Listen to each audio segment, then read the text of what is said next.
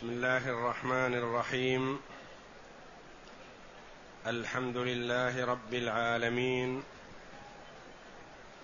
والصلاة والسلام على نبينا محمد وعلى آله وصحبه أجمعين. وبعد. أعوذ بالله من الشيطان الرجيم.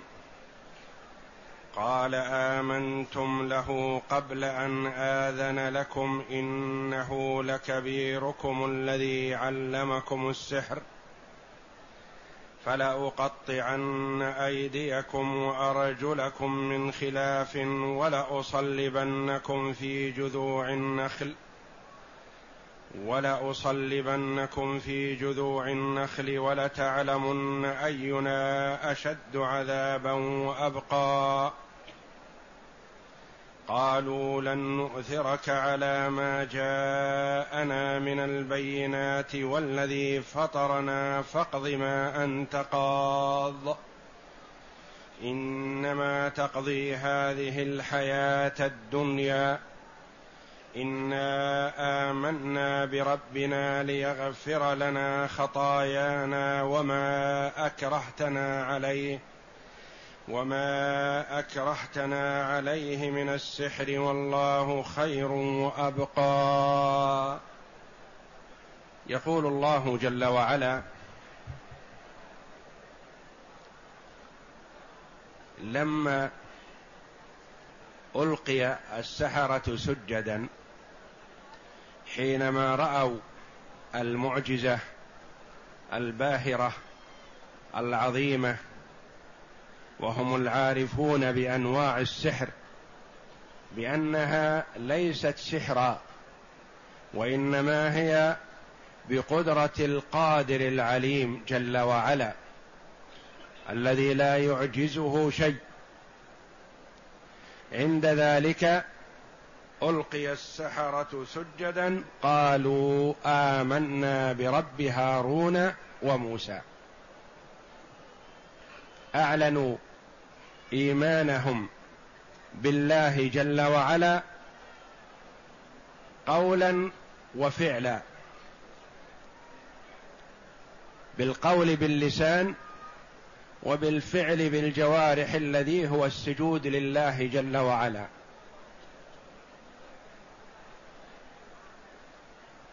عند ذلك بهت فرعون اللعين. هؤلاء السحرة أعلنوا إيمانهم بالله. ثم الغالب والعادة يتبعهم الآخرون. لأنهم هم المعاندون في الأول.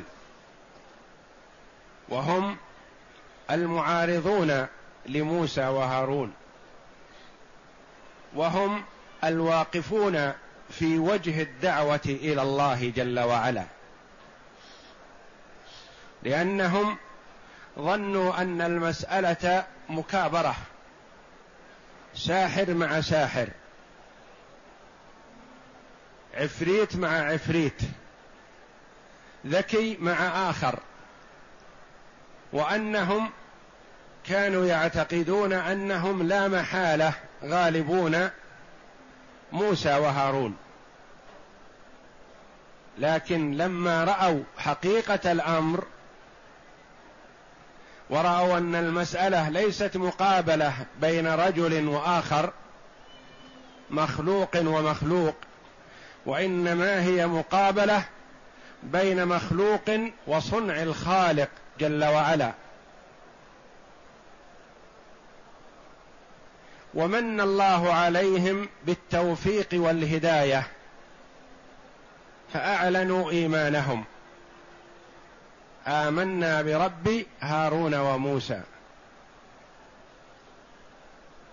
وتقدم أنهم قالوا ذلك حتى لا يتوهم يتوهم الحاضرون. بان إيمانهم كان بفرعون لأنه يدعي أنه رب وإله. لكن قالوا برب هارون وموسى. عند ذلك قال فرعون آمنتم له قبل أن آذن لكم؟ كأنهم مرتبطون به متقيدون منتظرون لتوجيهاته وأوامره. كأنه يقول لا تستعجلوا. كيف تعلنون اذعانكم وخضوعكم له قبل أن آذن لكم؟ مستنكرا عليهم موبخا لهم هذا الإيمان. وهم آمنوا بالله جل وعلا لما ألقى الإيمان في قلوبهم استصغروا قوة وعظمة فرعون عند ذلك. قال آمنتم له قبل أن آذن لكم. آمنتم له بمعنى صدقتموه أو أذعنتم له. آذن آمنتم له أو آمنتم به. يأتي بمعنى التصديق له يعني قبول ما يقول باللام وبالباء. آمنتم له أو آمنتم به. قبل أن آذن لكم قبل أن أعطيكم الإذن والموافقة على الإذعان له. ثم كابر أشد من الأولى. وقال إنه لكبيركم الذي علمكم السحر.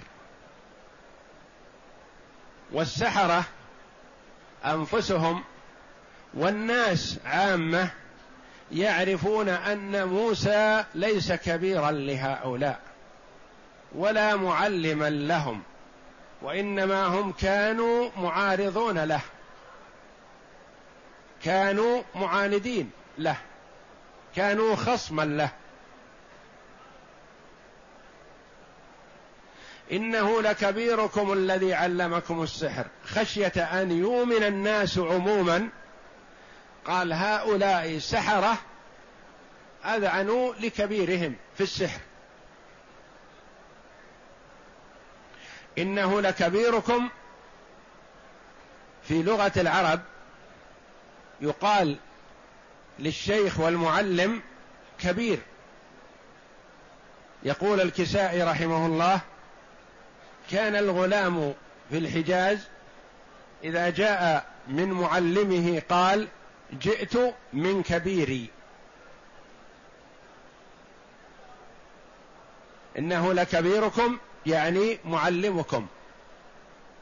ولهذا وضحت فيما بعد في قوله الذي علمكم السحر. وهذه مكابرة ومغالطة. وإلا فالكل يعلم أن موسى لم يعلم هؤلاء ولا صلة بينه وبينهم سابقة. ثم توعد. أرعد وخوف. ولكن الإيمان إذا ألقاه الله في القلب استسهل المرء كل مصيبة تأتيه في ذات الله واستحلاها لأنها في ذات الله.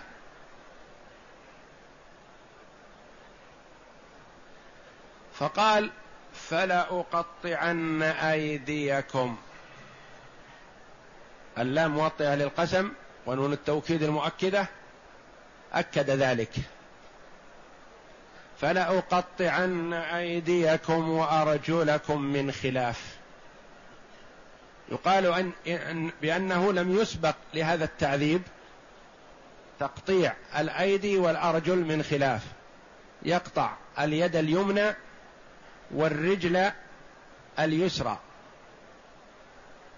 فلأقطعن أيديكم وأرجلكم من خلاف.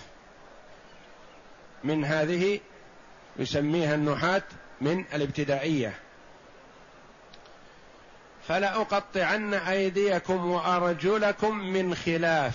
أراد أن يتوعدهم بهذا الوعيد الزاجر الشديد لعلهم يرجعوا. ولأصلبنكم في جذوع النخل.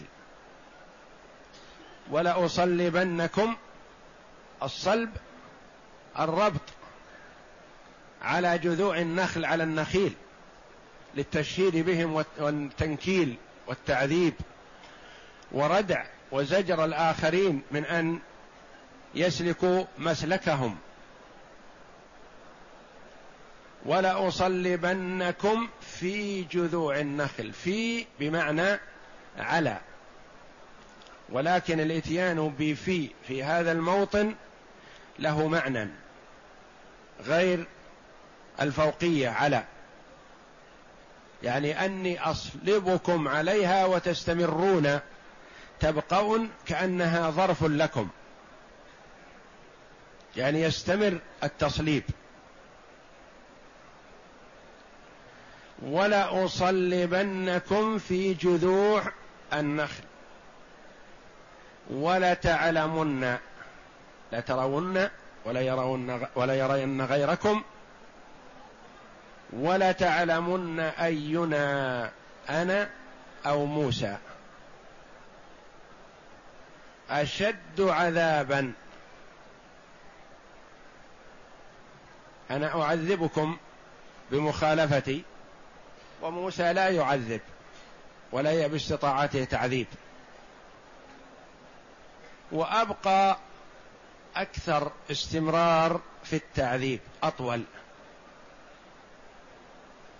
ولتعلمن أينا أشد عذابا وأبقى أكثر استمرارا. توعدهم بهذا الوعيد الشديد وكان ينتظر منهم أن يخافوا فيرجعوا عما أعلنوه. لكن الله جل وعلا لما ألقى في قلوبهم الإيمان أجابوه بهذا الجواب الجيد جواب الواثق بالله جل وعلا وبوعده المستسهل كل عقوبة تأتيه في ذات الله. وهل عذبهم بهذا العذاب الذي ذكر أم لا؟ قال المفسرون لم يرد في السنة بأنه أمضى هذا العذاب عليهم أو لم يمضه وإنما يظهر والله أعلم أنه أمضاه. لأنه ورد عن ابن عباس رضي الله عنهما حبر هذه الأمة وترجمان القرآن قال أصبحوا سحرة فجرة وأمسوا شهداء بررة. وهو لا يقول هذا إلا عن علم رضي الله عنه. أجابوا فرعون قالوا لن نؤثرك على ما جاءنا من البينات. لن نؤثرك. يعني نحن مخيرون بين أمرين. لا يمكن الجمع بينهما. إما إيثار الإيمان بموسى وهارون والصبر على ما يأتينا من العذاب من قبلك وإما الرجوع عن الإيمان وتفضيل متابعتك على الإيمان بموسى وهارون. فهم بين أمرين ماذا اختاروا الإيمان بموسى وهارون عليهم الصلاة والسلام؟ قالوا لن نؤثرك على ما جاءنا من البينات. جاءنا أمر بين واضح لا شك فيه ولا لبس رأوا منازلهم في الجنة. فأحبوا أن يستعجلوا إليها. رأوا أن السعادة في متابعة موسى وهارون. وأن الشقاء في البقاء في طاعة فرعون وعبادته. قالوا لن نؤثرك لن نقدمك على ما جاءنا من البينات. رأينا أمورا بينة. نرى أنه يتحتم علينا نحوها الإيمان بالله. لن نؤثرك على ما جاءنا من البينات على الذي جاءنا من البينات. ما هذه البينات؟ قيل المعجزة التي رأوها مع موسى العصا واليد وقيل المراد بما رأوا رأوا منازلهم في الجنة. حال سجودهم. أراهم الله جل وعلا منازلهم في الجنة حال سجودهم إيمانا بالله ورسله. لن نؤثرك على الذي جاءنا من البينات. ما بمعنى الذي؟ اسم موصول. والذي فطرنا فاقض ما أنت قاض. والذي فطرنا الواو يصح أن تكون واو عاطفة. والذي فطرنا معطوف على ما جاءنا من البينات. لن نؤثرك على البينات التي جاءتنا وعلى الله جل وعلا. لن نؤثرك على الله الذي فطرنا وخلقنا. لن نؤثرك على البينات التي اطلعنا عليها. ولن نؤثرك على الله الذي فطرنا. والذي فطرنا الله الذي فطرنا.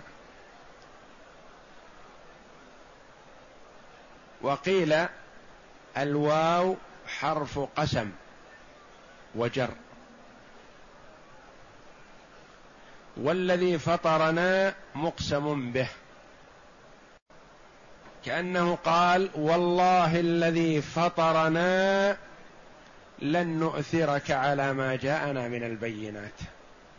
اقسموا بالله الذي فطرهم بأنهم لن يؤثروا فرعون على ما جاءهم من البينات مهما توعد وأرعد وأزبد.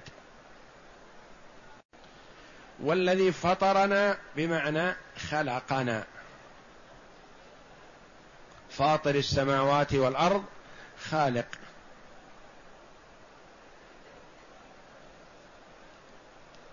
فهم أكدوا بأنهم لن يؤثروا فرعون على ما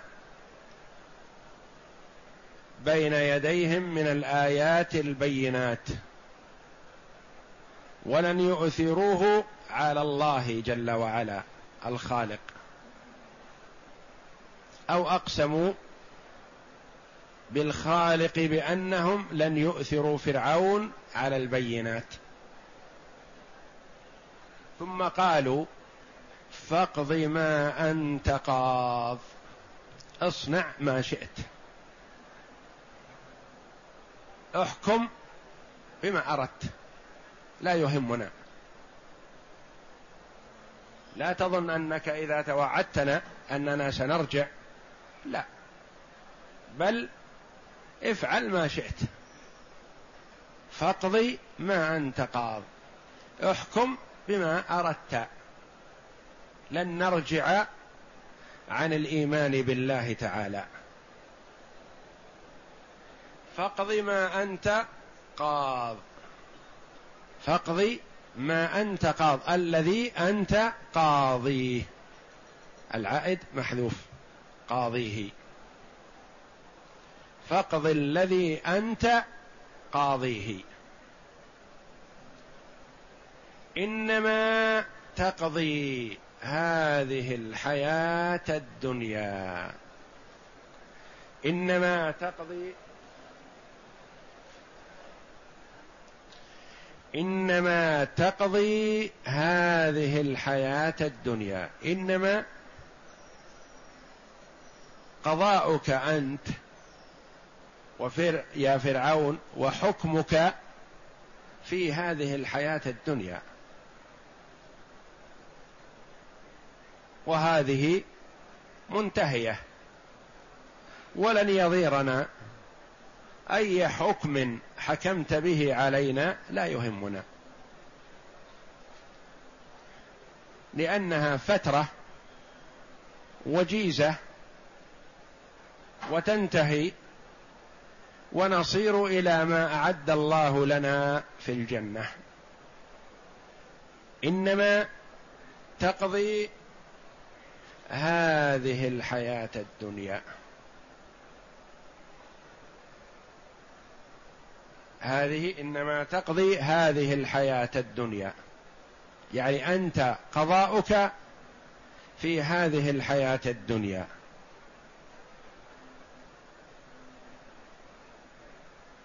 تقضي في هذه الحياة الدنيا.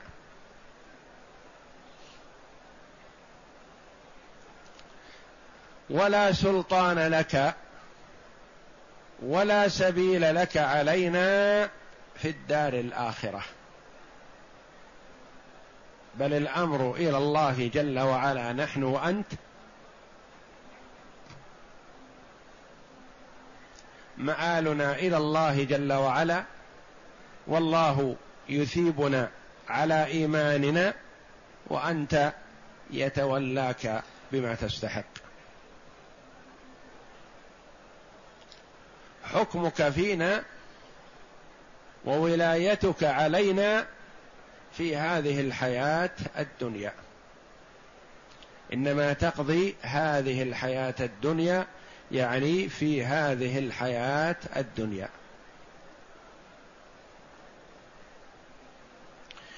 ثم أخبروا عن أنفسهم. فقالوا إنا آمنا بربنا. لما أعلنوا في السابق من المقصود بربهم صرحوا بهذه المرة. المرة الأولى لو قالوا آمنا بربنا لتوهم الكثير أن المراد فرعون. لكن قالوا آمنا برب هارون وموسى.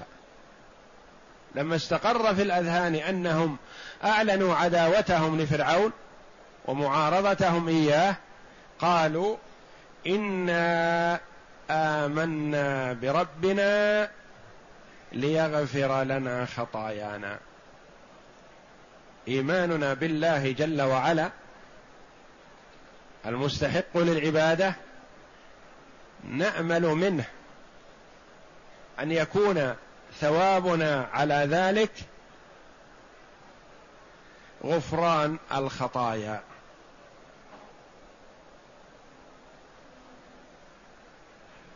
ولهم ذلك من الله جل وعلا لأن التوبة تجب ما كان قبلها.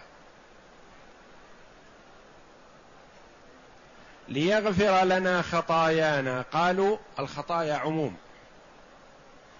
كبائر وصغائر أنواع المعاصي وأكبرها وأعظمها الشرك بالله جل وعلا.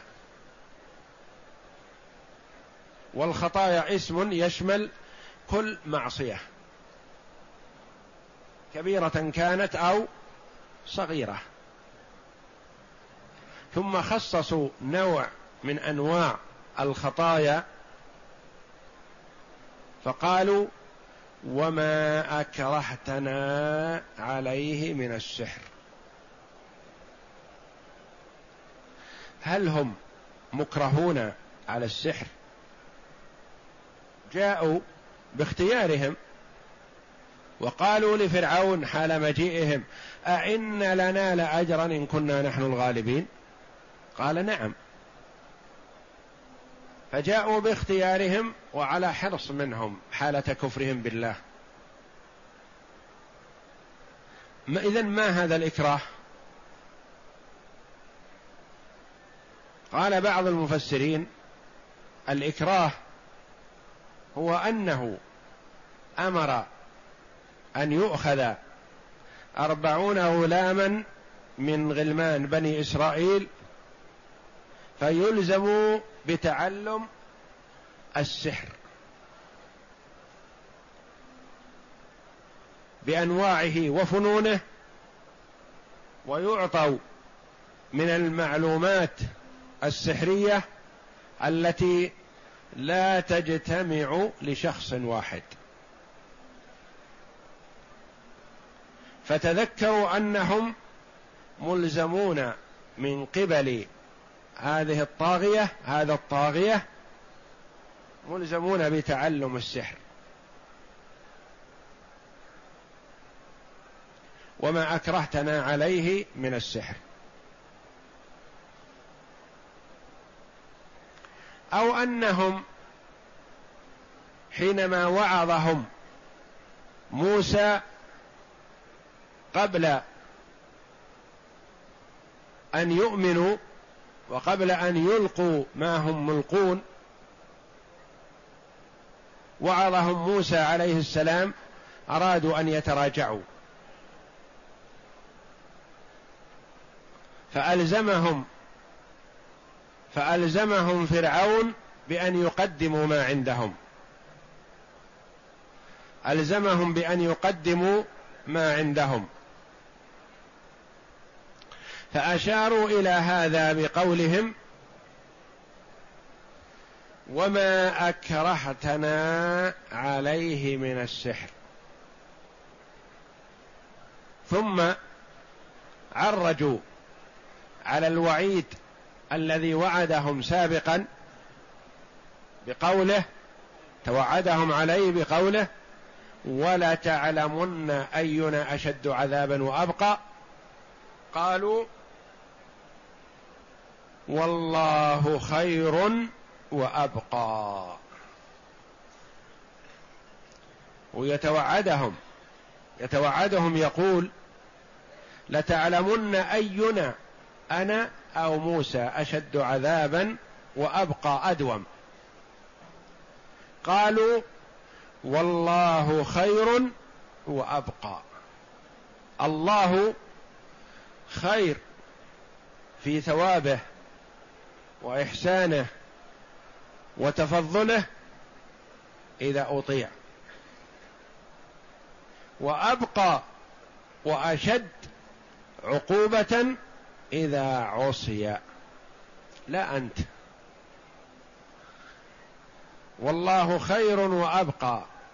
نعيم الله جل وعلا لمن أطاعه باق دائما وأبدا.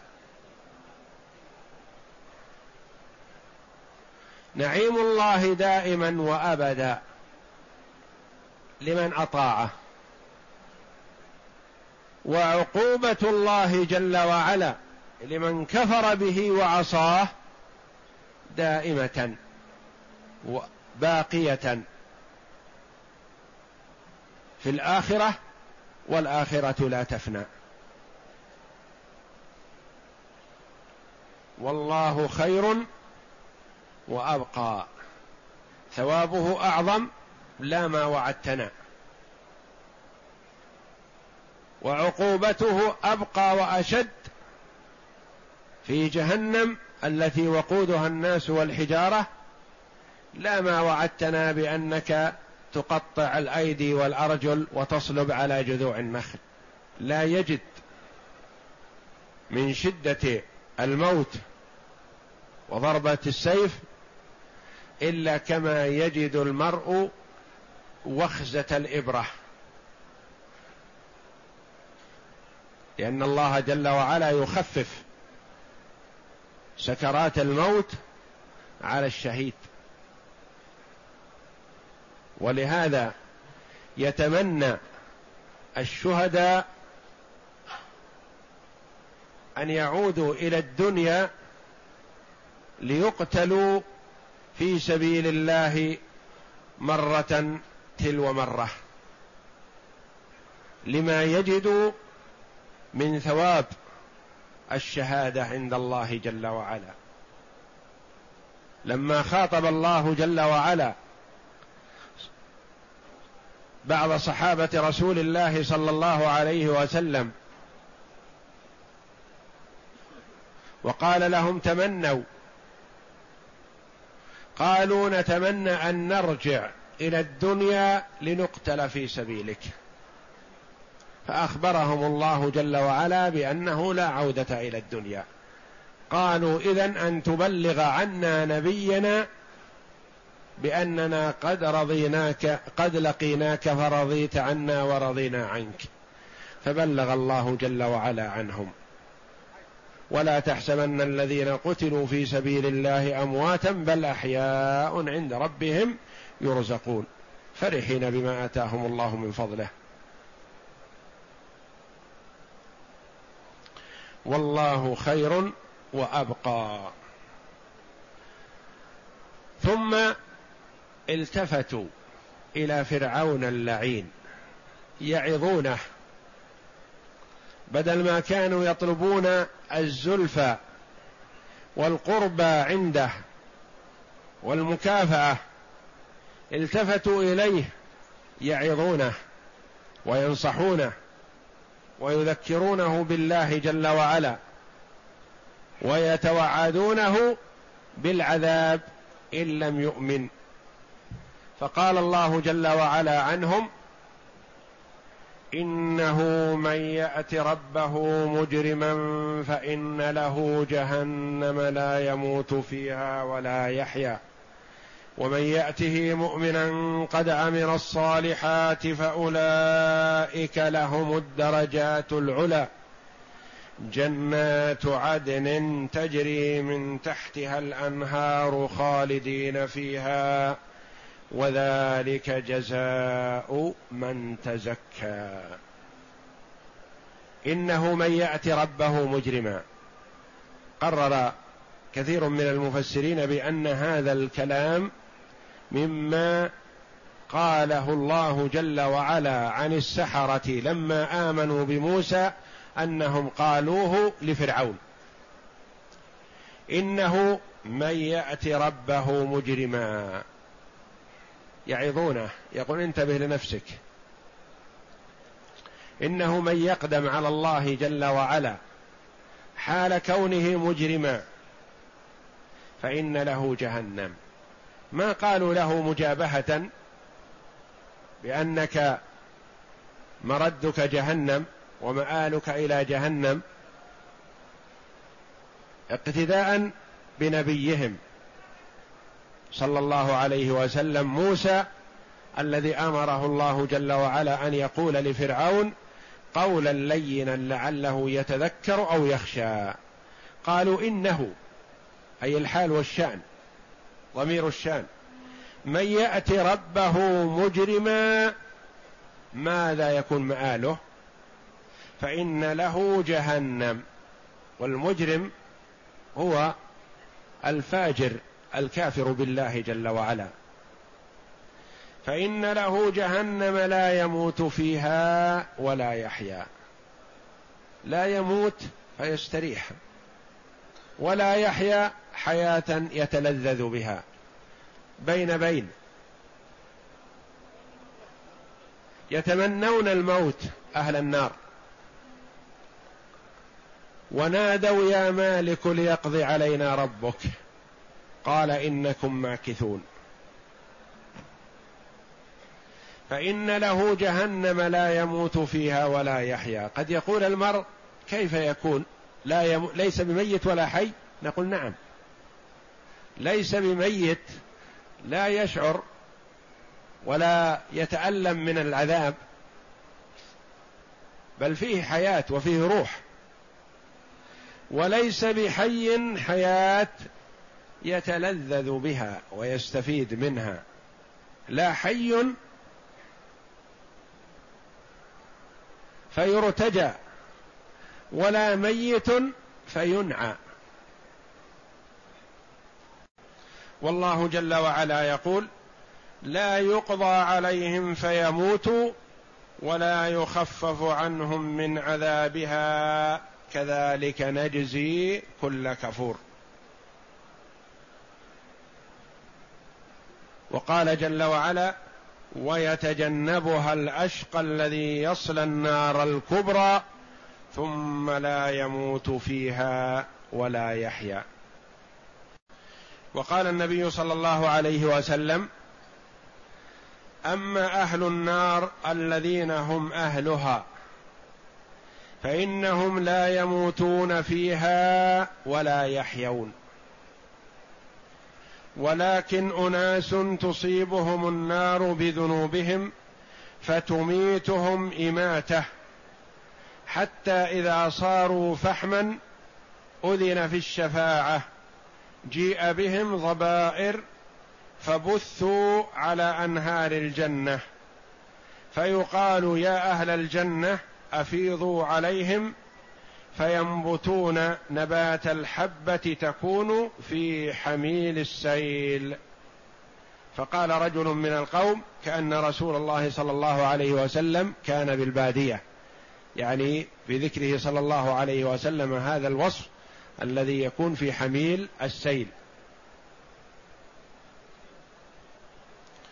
وروى أبو سعيد الخدري رضي الله عنه قال خطب النبي صلى الله عليه وسلم فأتى على هذه الآية. إنه من يأت ربه مجرما فإن له جهنم لا يموت فيها ولا يحيا. قال النبي صلى الله عليه وسلم أما أهلها الذين هم أهلها فلا يموتون فيها ولا يحيون. يستمرون فيها دائما وأبدا لا حياة ولا موت. وأما الذين ليسوا من أهلها يعني ليسوا من المخلدين في النار وهم عصاة المسلمين عصاة الموحدين. وأما الذين ليسوا من أهلها فإن النار تمسهم. ثم يقوم الشفعاء فيشفعون. فتجعل الضبائر فيؤتى بهم نهرا يقال له الحياة أو, الح أو الحيوان فينبتون كما ينبت العشب في حميل السيل.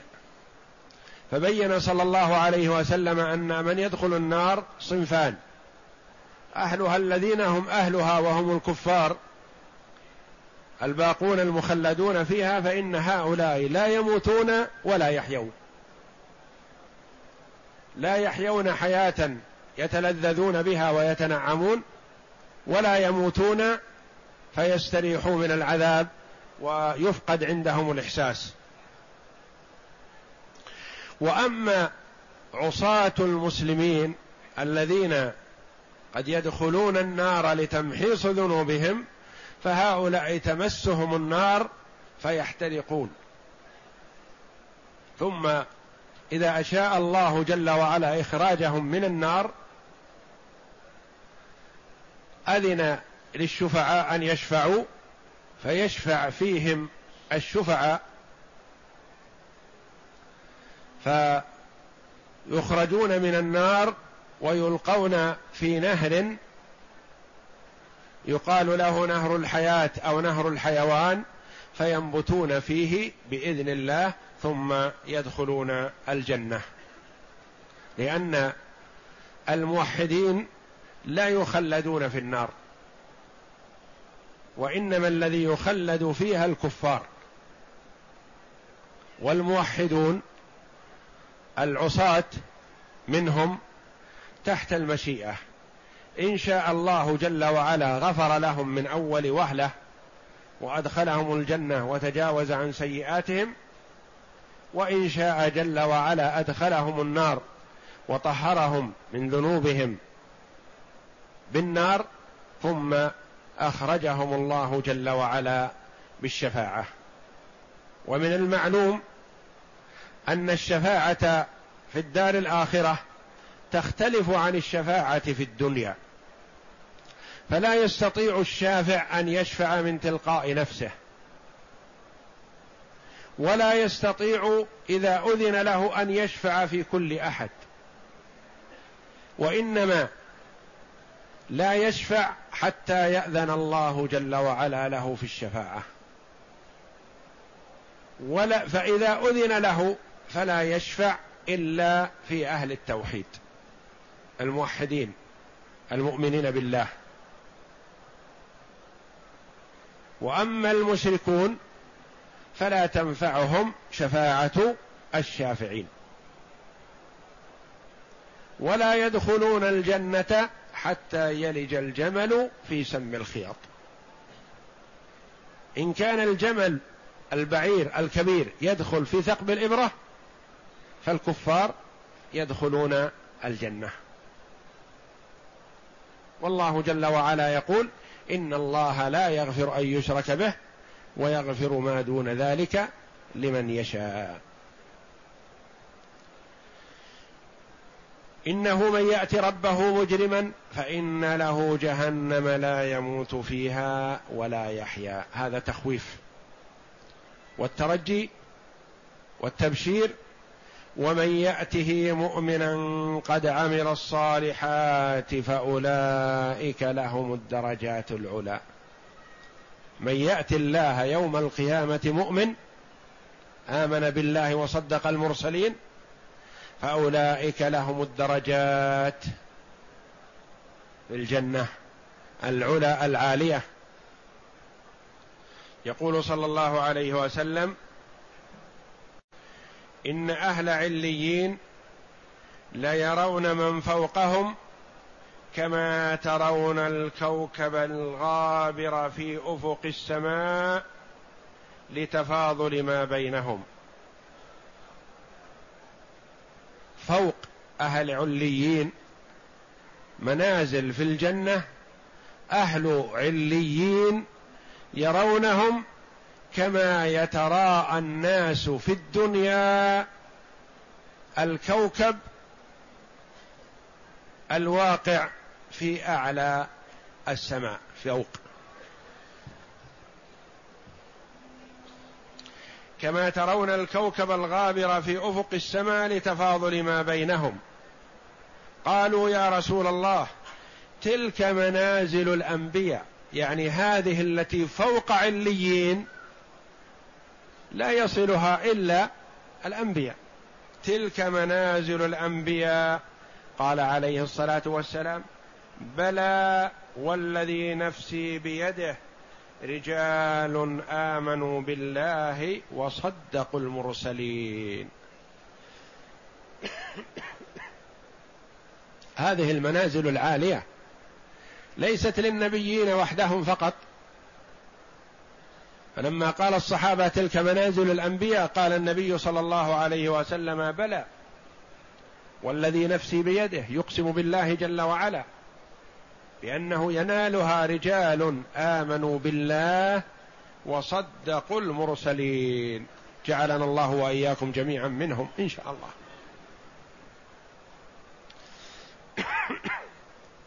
وفي السنن وإن أبا بكر وعمر لمنهم وانعما مع هؤلاء.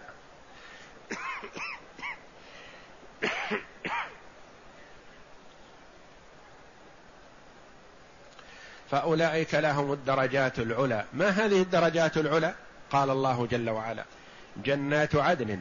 جنات بساتين. عدن إقامة. معنى كلمة عدن إقامة. جنات فيها الإقامة الدائمة. تختلف عن جنات وبساتين الدنيا لأن بساتين الدنيا إما أن تذهب عن صاحبها وإما أن يذهب صاحبها عنها.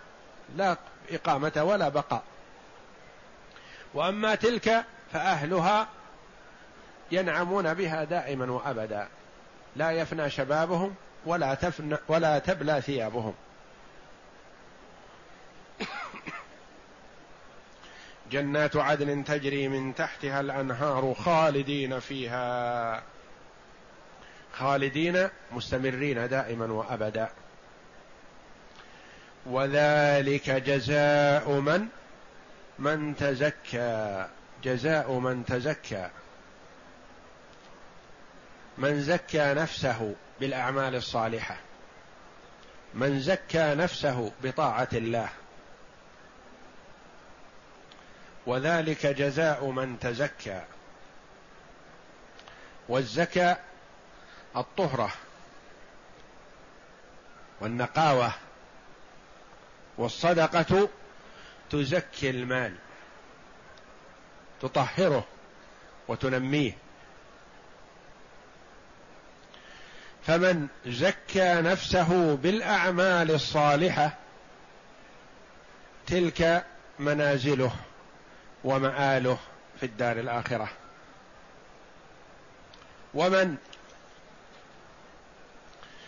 عصى ربه وتفنن في أنواع الإجرام فإن له جهنم لا يموت فيها ولا يحيا. والله أعلم. وصلى الله وسلم وبارك على عبد ورسول نبينا محمد وعلى آله وصحبه أجمعين.